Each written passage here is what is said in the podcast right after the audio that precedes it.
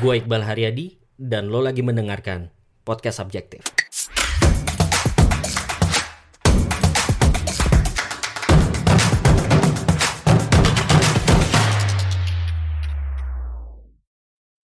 Dunia berubah dengan sangat cepat. Pertanyaannya, sudahkah lo siap beradaptasi? Di season ini, gue akan mengajak lo mengeksplor berbagai perubahan yang sedang dan akan terjadi di masa depan.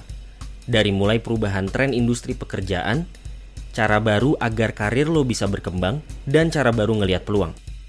Gue akan mengajak lo untuk bareng-bareng belajar dari cerita mereka yang berhasil beradaptasi atau menemukan peluang baru yang mungkin belum lo tahu.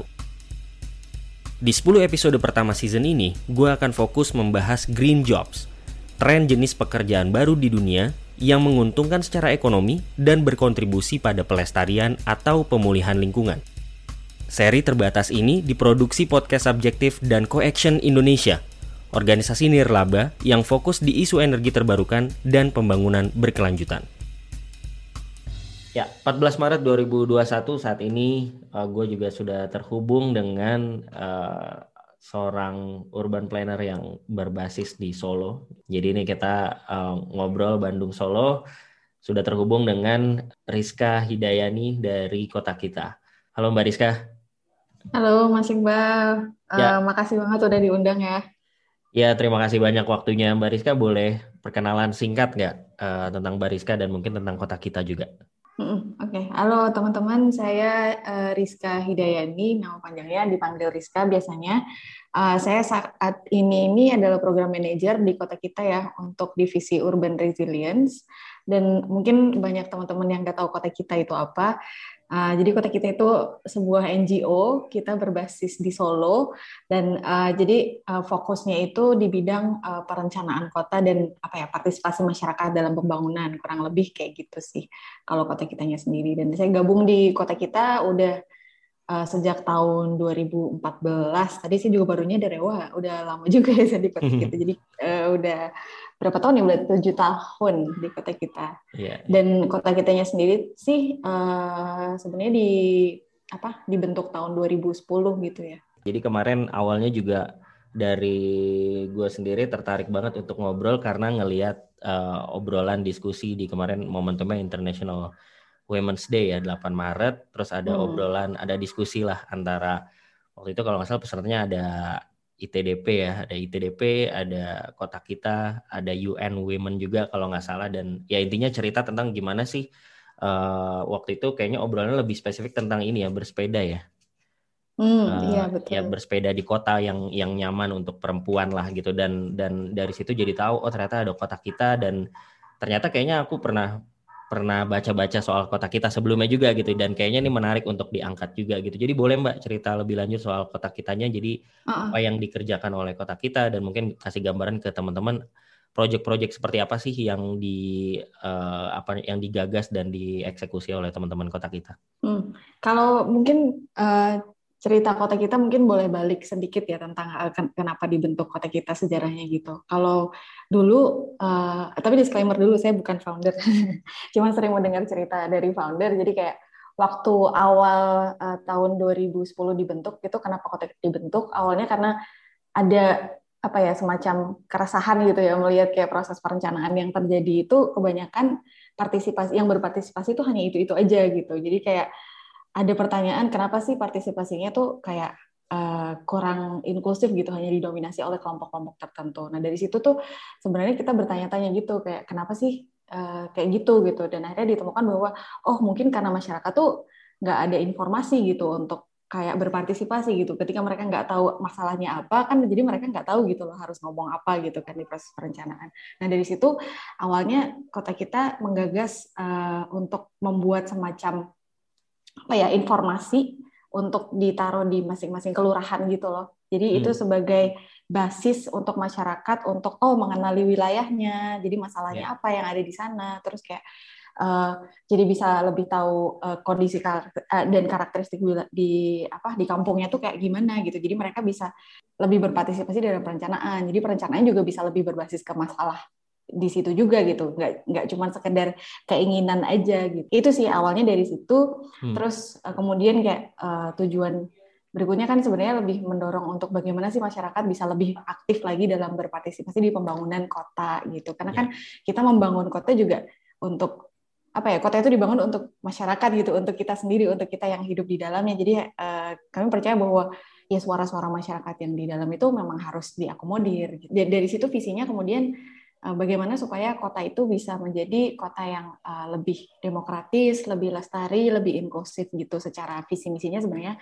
ke arah sana kalau kota kita. Jadi kalau dari kegiatannya sendiri sih sebenarnya lumayan beragam ya dari yang tadi disebut Mas Iqbal udah nyebut salah satu programnya ada Women on Wheels itu uh, untuk mendorong uh, perempuan untuk bersepeda di kota yang lebih aman kayak gitu dan uh, kita juga ada apa ya kalau secara umum kelihatannya ada riset ada apa advokasi ke pemerintah, ada participatory design bersama masyarakat, terus ada juga apa ya forum-forum terbuka gitu kita sering mengadakan forum-forum diskusi seperti Urban Social Forum gitu itu salah satu juga forum tahunan kita kayak gitu terus kalau dari sisi uh, apa ya sektor atau bidang pekerjaan sebenarnya ada tiga ya in general ada urban hmm. governance, hmm. urban resilience dan urban inclusivity kalau urban governance itu lebih ke fokus ke bagaimana bisa mendorong eh, apa namanya eh, tata kelola pemerintahan yang lebih transparan, lebih terbuka, lebih demokratis dan mendorong partisipasi masyarakat dalam pembangunan.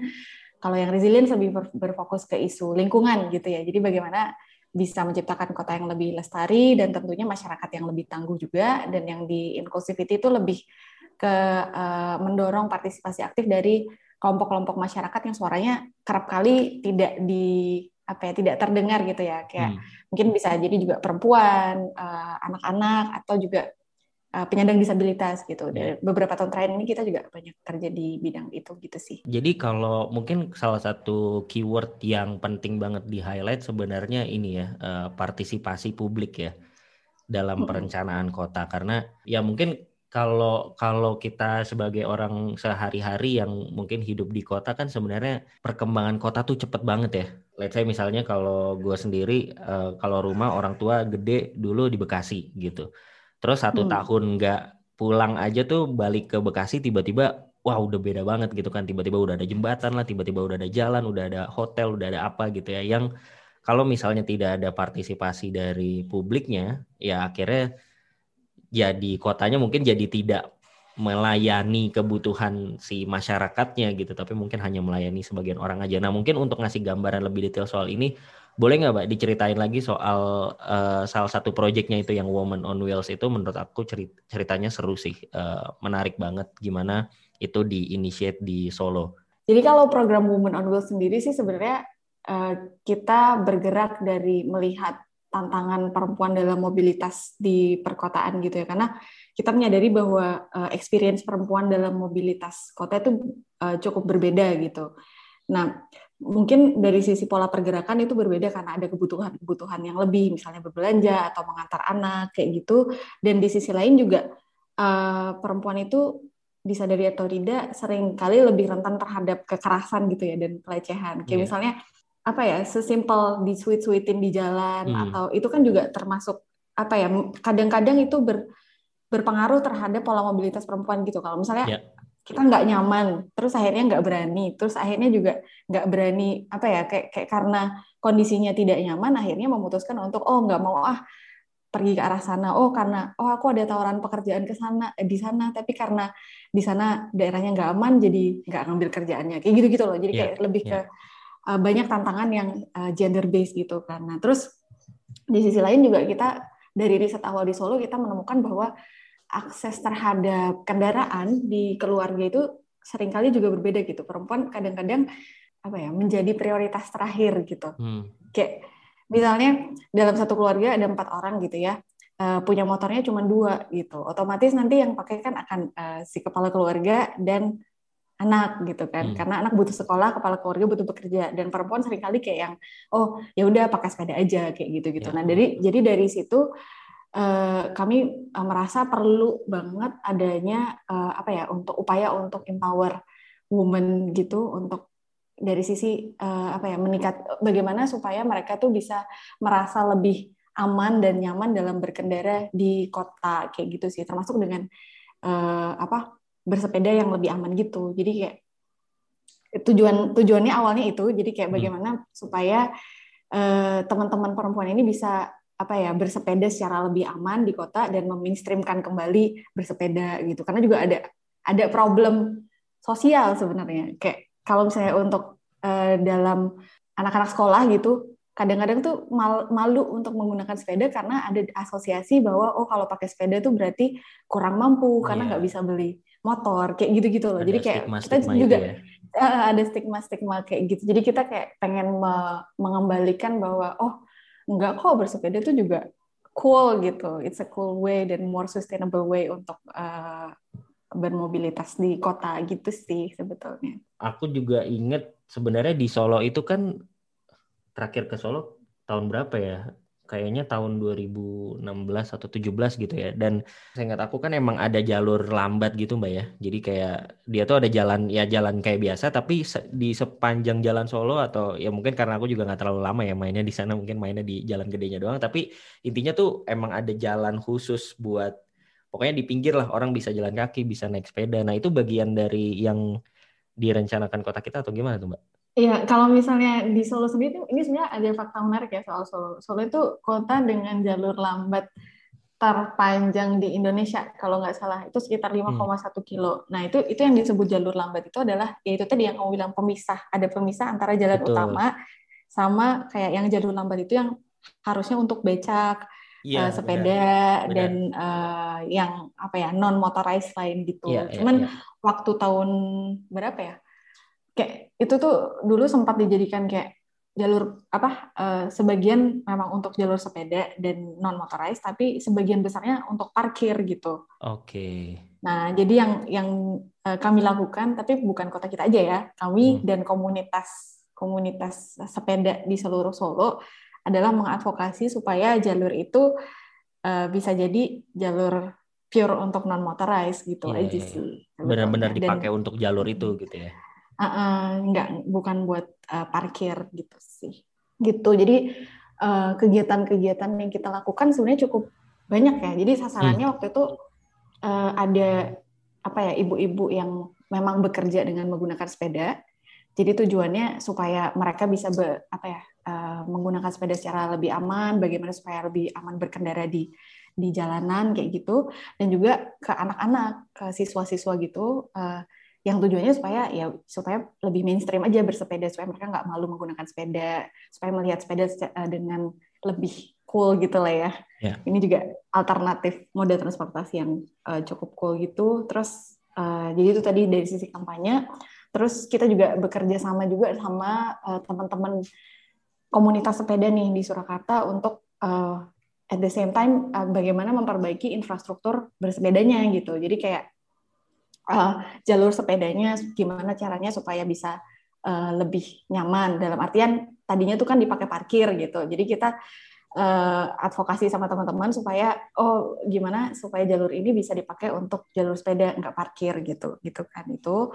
Terus bagaimana juga bisa meningkatkan penerangan dan fasilitas-fasilitas hmm. yang lain. Gitu sih ya, kurang ya, lebih. Ya, ya. Ini mungkin ya. sebagai konteks hmm. program ini tuh dijalankan di tahun sejak tahun 2015 dulu ya. Jadi waktu itu bersepeda belum se booming sekarang gitu kan. Kalau hmm. sekarang memang udah udah lumayan booming ya dengan ya mungkin pandemi somehow uh, membawa berkah juga untuk ya. uh, apa mendorong bersepeda.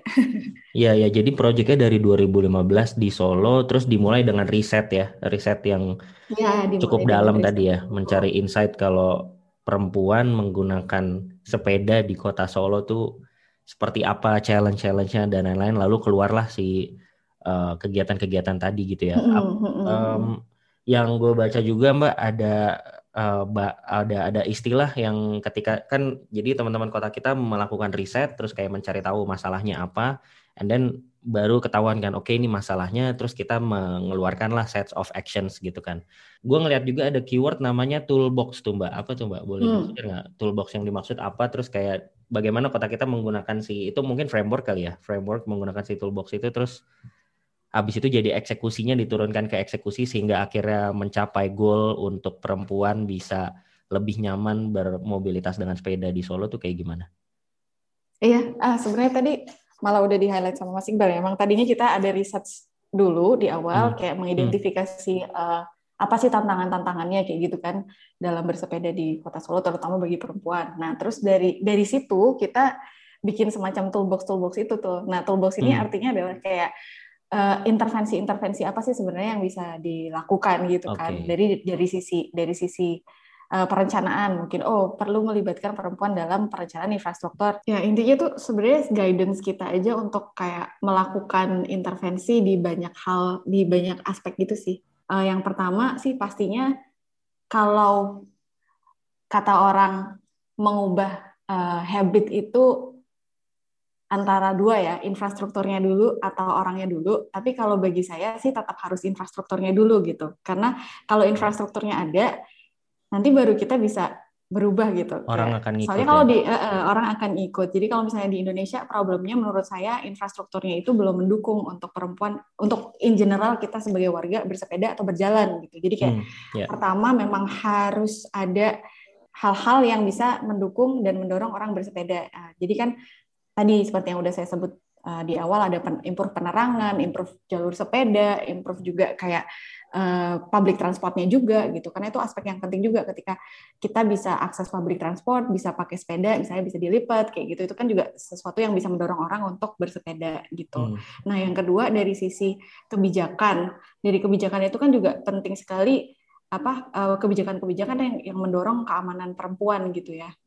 Nah, Lalu dari sisi uh, yang kedua, awareness itu penting juga. Eh ketiga, eh, perlu juga adanya meningkatkan interest teman-teman semuanya perempuan dan juga yang lain gitu untuk uh, kembali bersepeda gitu. Nah, kalau yang kami temukan desain sepeda itu juga penting gitu ya untuk uh, perempuan misalnya kayak adanya keranjang kayak gitu karena kan memang uh, perempuan perlu juga uh, fitur itu untuk bersepeda gitu kan. Terus uh, lampu yang yang proper untuk yeah. mendorong penerangan uh, pada saat malam kayak gitu-gitu sih. Kalau soal awareness raising itu menurut kami juga sangat penting karena terutama bagi yang lebih muda ya kayak hmm. uh, perempuan dan students apa uh, girl student yang masih dalam usia usia sekolah yang kami temukan itu mereka akan lebih bersepeda kalau ada temennya gitu. Jadi kalau misalnya hmm. ada support system untuk bersepeda bersama, kayak misalnya yang satu jalur nanti mereka janjian sepeda bersa eh, bersepeda bareng atau klub-klub sepeda itu sangat ini sih sangat membantu untuk mereka lebih confident dalam bersepeda di jalan gitu sih. Jadi kota kita akhirnya dari hasil riset terus kayak membantu bentuknya outputnya berarti ada banyak mbak ya. Ada raising awareness terus ada rekomendasi juga mungkin ko koordinasi juga ke pemerintah kota untuk dari segi infrastruktur dan regulasi juga gitu ya. Dan mungkin uh, rekomendasi ke pihak-pihak lain yang terkait. Kayak misalnya tadi kan uh, beberapa menarik juga. Kayak misalnya pada akhirnya juga akan berpengaruh ke desain sepeda misalnya. Desain sepeda yang cocok untuk mendorong perempuan bersepeda tuh yang kayak gimana sih? Misalnya ada yang ada lampunya atau ada apanya dan seterusnya gitu ya. Nah ini kan berarti uh, aku udah udah mulai lumayan ke gambar kotak kita atau pekerjaan si urban planner in general lah gitu ya. Intinya gimana caranya memba, me, mendevelop kota uh, sesuai dengan tujuannya gitu dan mungkin kalau spesifik di kota kita kan artinya tadi ya keywordnya lebih ke partisipasi publik ya gimana caranya ya kota milik publik ya publik juga harus berpartisipasi di pembangunan kotanya. Nah kalau iya pekerjaan si urban planner in generalnya sendiri, Mbak Rizka mungkin kayak selain yang dilakukan di kota kita, Mbak Rizka sebagai seorang urban planner juga bisa kasih gambaran nggak? Kayak selain itu, apalagi yang dikerjain sama uh, seorang urban planner gitu? Hmm, well, urban planner in general sebenarnya ya uh, secara secara apa ya tujuan besar sih sebenarnya bagaimana kita bisa berkontribusi dalam uh, menata ruang kota yang uh, lebih lestari gitu ya, hmm. lebih lestari dan lebih berkelanjutan. Itu tujuan tujuan besarnya gitu ya. Bagaimana kayak mengalokasikan ruang-ruang kota supaya bisa kayak berfungsi secara maksimal itu sebaiknya seperti apa kayak gitu. Ideally kayak gitu gitu ya. Cuman kalau misalnya sebenarnya aku juga uh, melihat kayak di situ pentingnya peran planner dalam membentuk kota yang lebih lestari ke depannya. Hmm.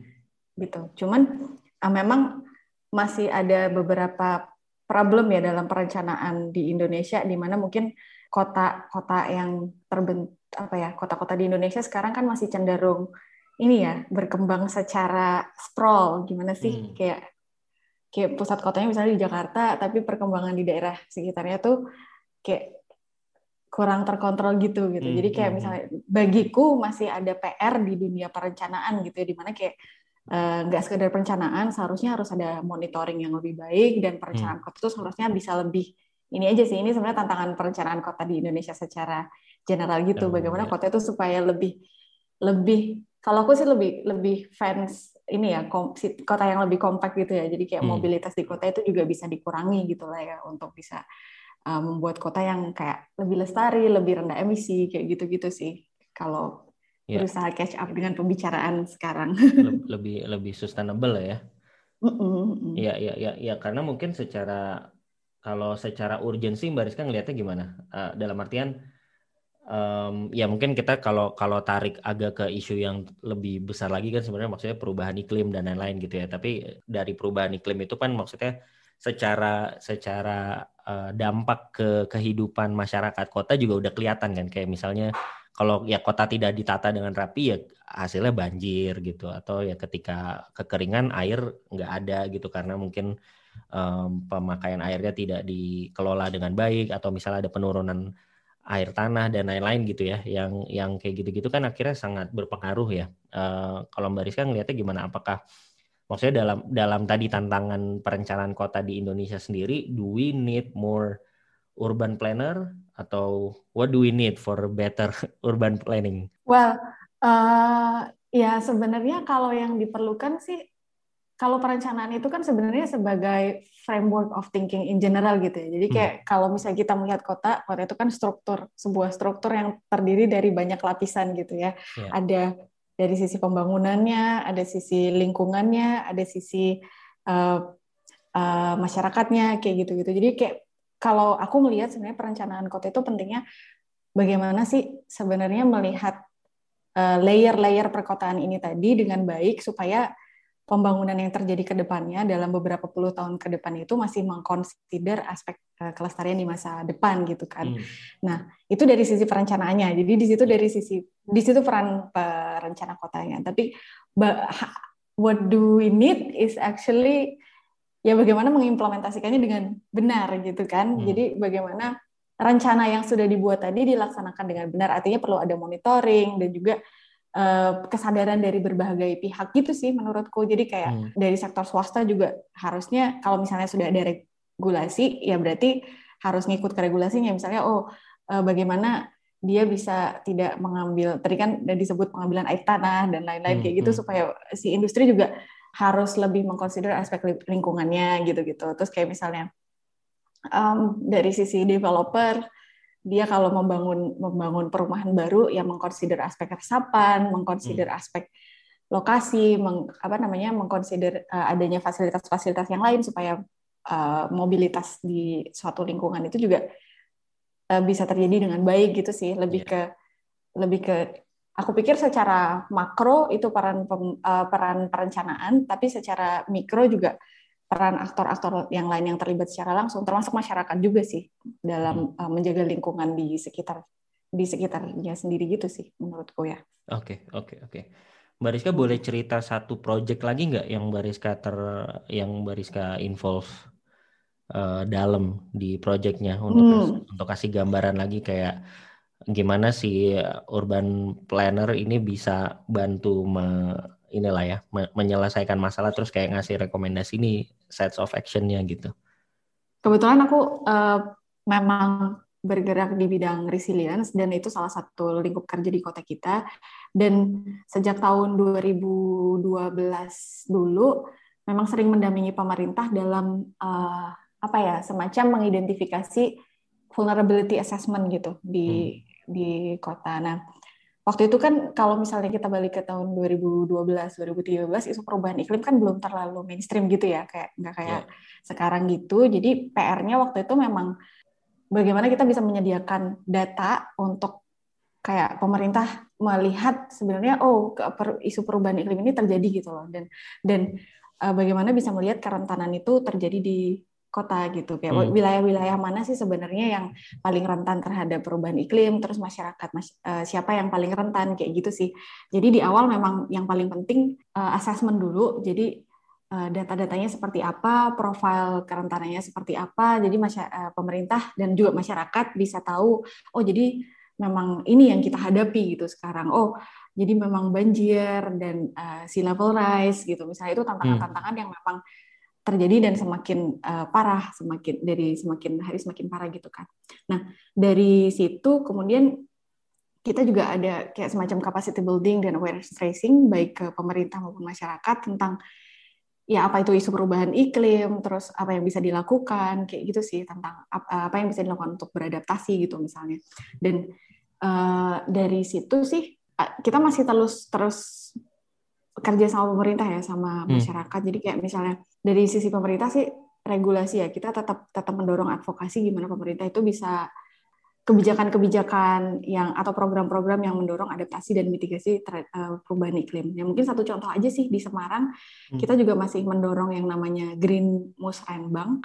Itu hmm. itu tuh uh, kayak uh, bagaimana pemerintah bisa mengalokasikan dana untuk uh, masyarakat bisa mempropos program-program yang sifatnya uh, apa ya green bukan green ya lebih ke mendo, uh, membangun ketangguhan di level kampung gitu sih kayak uh, jadi masyarakat bisa harapannya masyarakat bisa propose program-program kayak oh mungkin rain harvesting, biopori atau uh, penggunaan lampu yang lebih hemat energi untuk lampu jalan kayak gitu-gitu sih. Jadi itu itu tujuannya nanti ke sana supaya jadi kayak intervensi tentang perubahan iklim ini nggak cuma pemerintah aja tapi juga masyarakat juga uh, mereka juga aware dengan isu ini mereka juga bisa propose terhadap uh, untuk berkontribusi terhadap perubahan iklim ini gitu sih.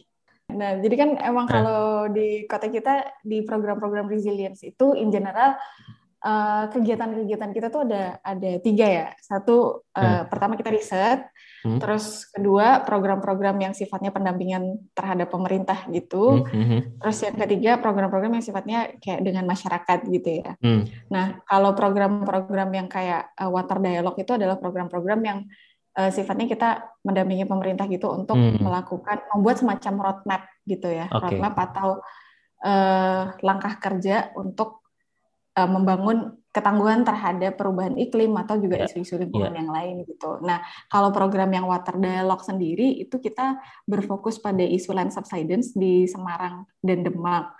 Jadi tujuannya sih lebih ke gimana ya isu isu land subsidence ini kan sangat sangat apa ya kalau mungkin orang yang tinggal di Jakarta dan Semarang mungkin sangat familiar ya dengan isu ini tapi hmm. nggak hmm. nggak semua orang kayaknya familiar dengan isu land subsidence ini karena isunya juga nggak uh, terlalu mainstream. Jadi dari dari kebencanaan apa dalam nomenklatur kebencanaan di Indonesia aja dia belum masuk gitu. Jadi kayak memang belum banyak program yang mengadres ke isu land subsidence.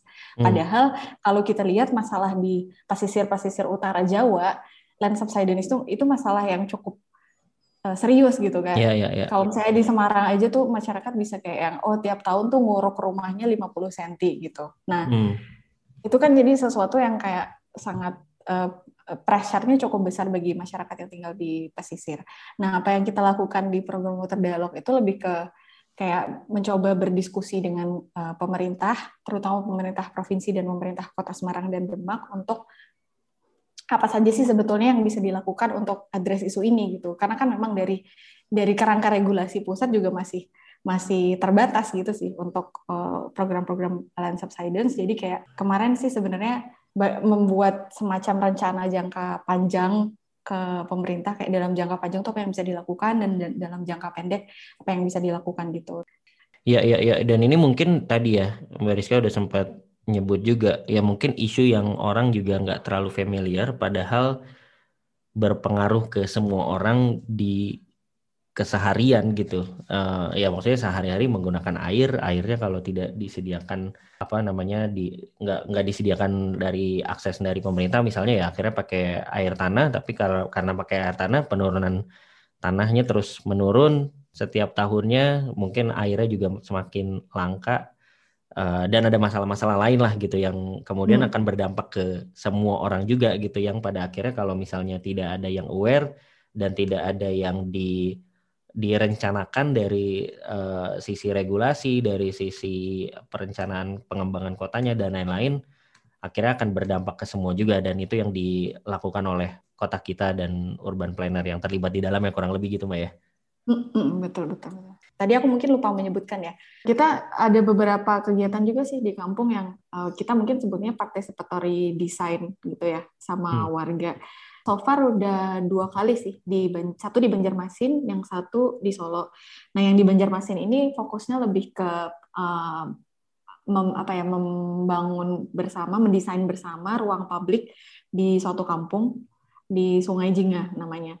Nah, prosesnya sih uh, ini sama juga dengan yang di Solo ya, uh, namanya participatory design. Tapi kalau yang di Solo itu lebih uh, di kampung sangkar burung. Jadi kayak satu kampung itu orang bikin sangkar burung semua dan semuanya hmm. masing-masing tempatnya uh, beda-beda sendiri-sendiri gitu. Nah, jadi kita uh, kepikiran untuk kayak oh bagaimana menciptakan ruang kerja bersama supaya uh, apa ya proses kerjanya lebih efektif gitu sih kalau di yang Solo.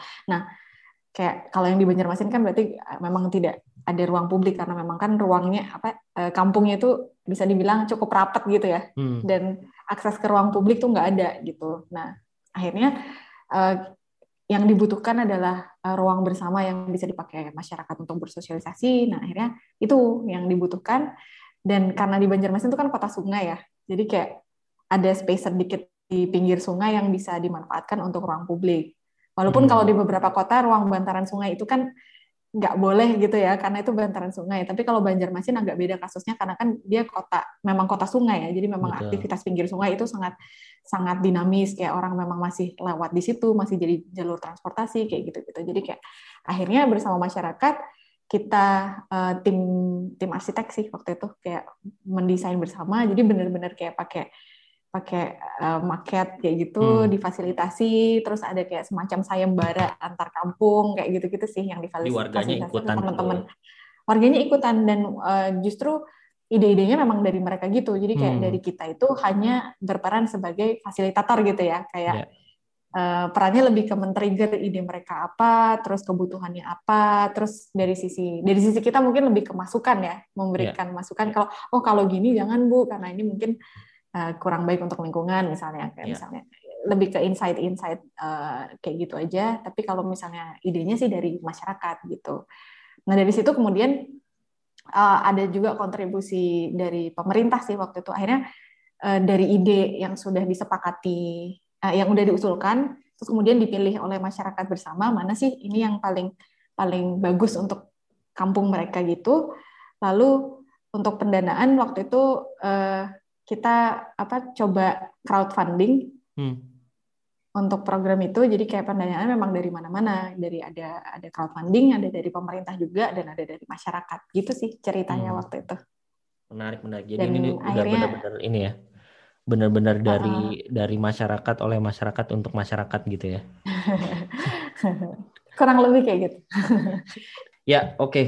Terakhir Mbak, kalau si ur oke, okay, si urban planner sendiri kan akhirnya kalau ya tadi kita ngomongin banyak soal pengembangan kota terus gimana caranya si kota bisa jadi lebih sustainable lah gitu ya.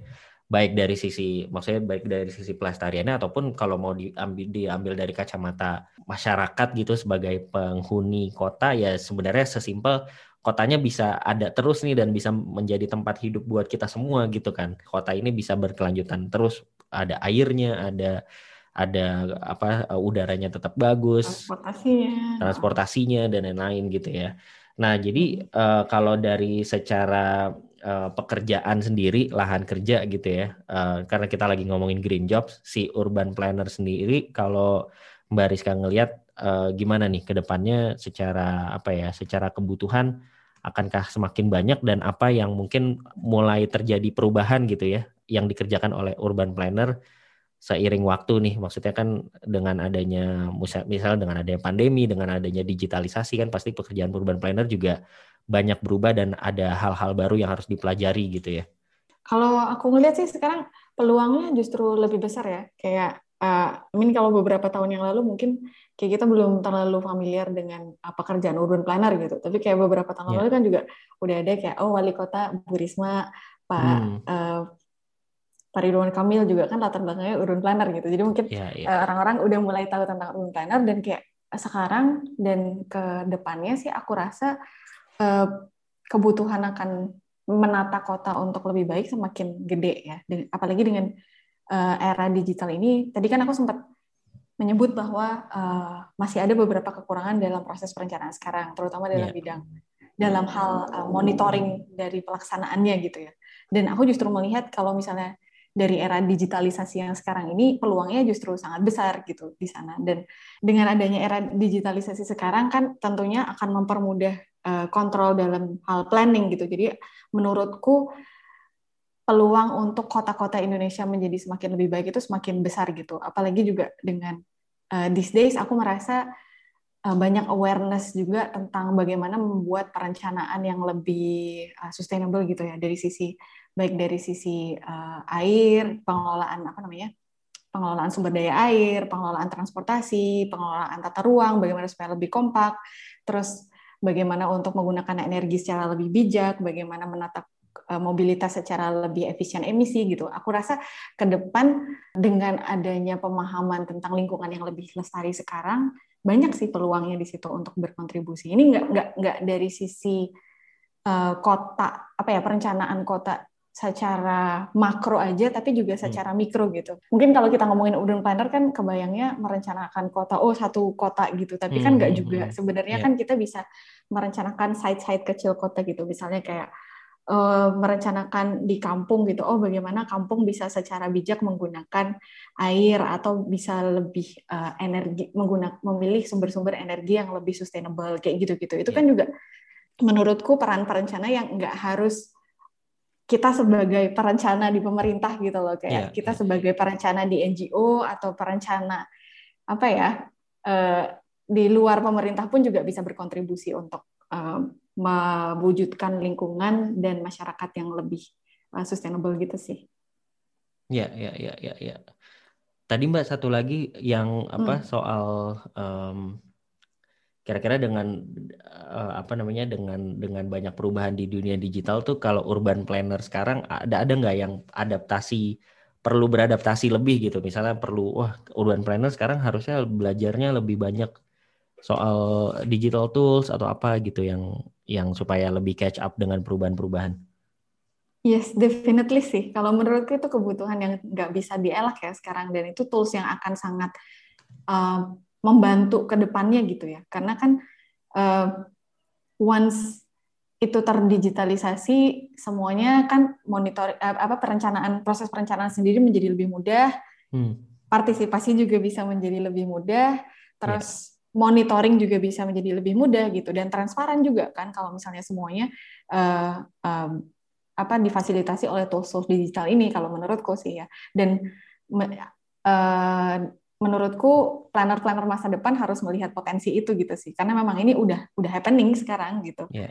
kayak it's not the future it's now gitu kan yeah, udah yeah, udah yeah, sekarang yeah. gitu yes yes jadi kalau dibalikin lagi ke keyword awal tadi ya partisipasi terus tadi keyword tambahannya transparansi jadinya dengan adanya apa ya dengan dengan digital dengan dunia sosmed dan lain-lain kan akhirnya partisipasi juga jadi lebih mudah, transparansi bisa kelihatan, orang bisa ngelihat, bisa monitoring dan bisa saling ngingetin, bisa saling ngasih masukan lebih transparan dan lebih partisipatif lah gitu ya. Jadi hmm. harusnya sih perencanaan kotanya jadi lebih baik.